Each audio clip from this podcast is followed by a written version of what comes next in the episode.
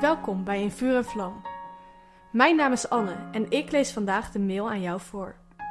Ik ben benieuwd wat Jezus vandaag tegen jou wil zeggen.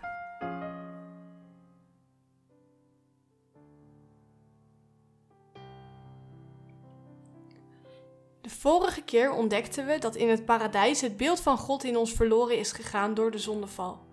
Jezus kwam om dit beeld weer in ons te herstellen. Hij kwam zodat wij weer kinderen van God konden worden. Alles wat geschapen is, is bedoeld om vanuit God te komen.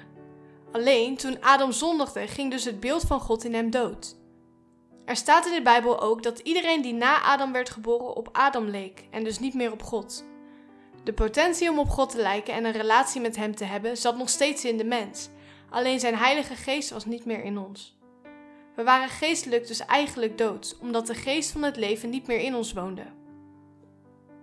Er was maar een kleine stap nodig om te zondigen, en toen was er, zo leek het, geen weg meer terug. Alles was misgegaan. Gelukkig weten wij nu dat die weg terug er wel is, en zijn naam is Jezus.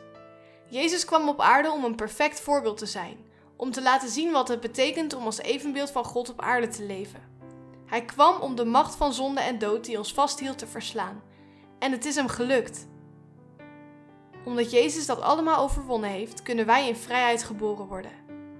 Daarvoor moeten we dus wel, zoals de Bijbel het zegt, opnieuw geboren worden.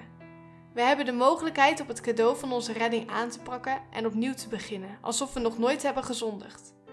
We kunnen weer leven in liefde. We kunnen weer leven zonder egoïsme, omdat God genoeg voor ons is. Hij is de voorziener van liefde, vrede, kracht, welvaart, welzijn en alles wat je nodig hebt om de hele dag uit te delen aan andere mensen. Jezus is genoeg, voor altijd genoeg. We gaan vandaag opnieuw tijd met God nemen en een vraag aan Hem stellen. Neem daarna, net als gisteren, weer de tijd om naar Hem te luisteren. Schrijf op wat in je opkomt. Dit is de vraag voor vandaag.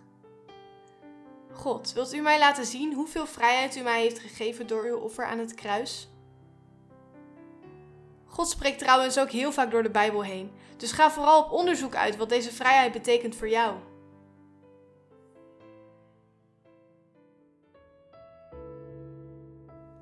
Wat leuk dat je hebt geluisterd naar In Vuur en Vlam. Heeft de tekst je geholpen om God beter te leren kennen? Deel In Vuur en Vlam dan met je vrienden. Meld ze aan op streef.nl slash in vuur en vlam.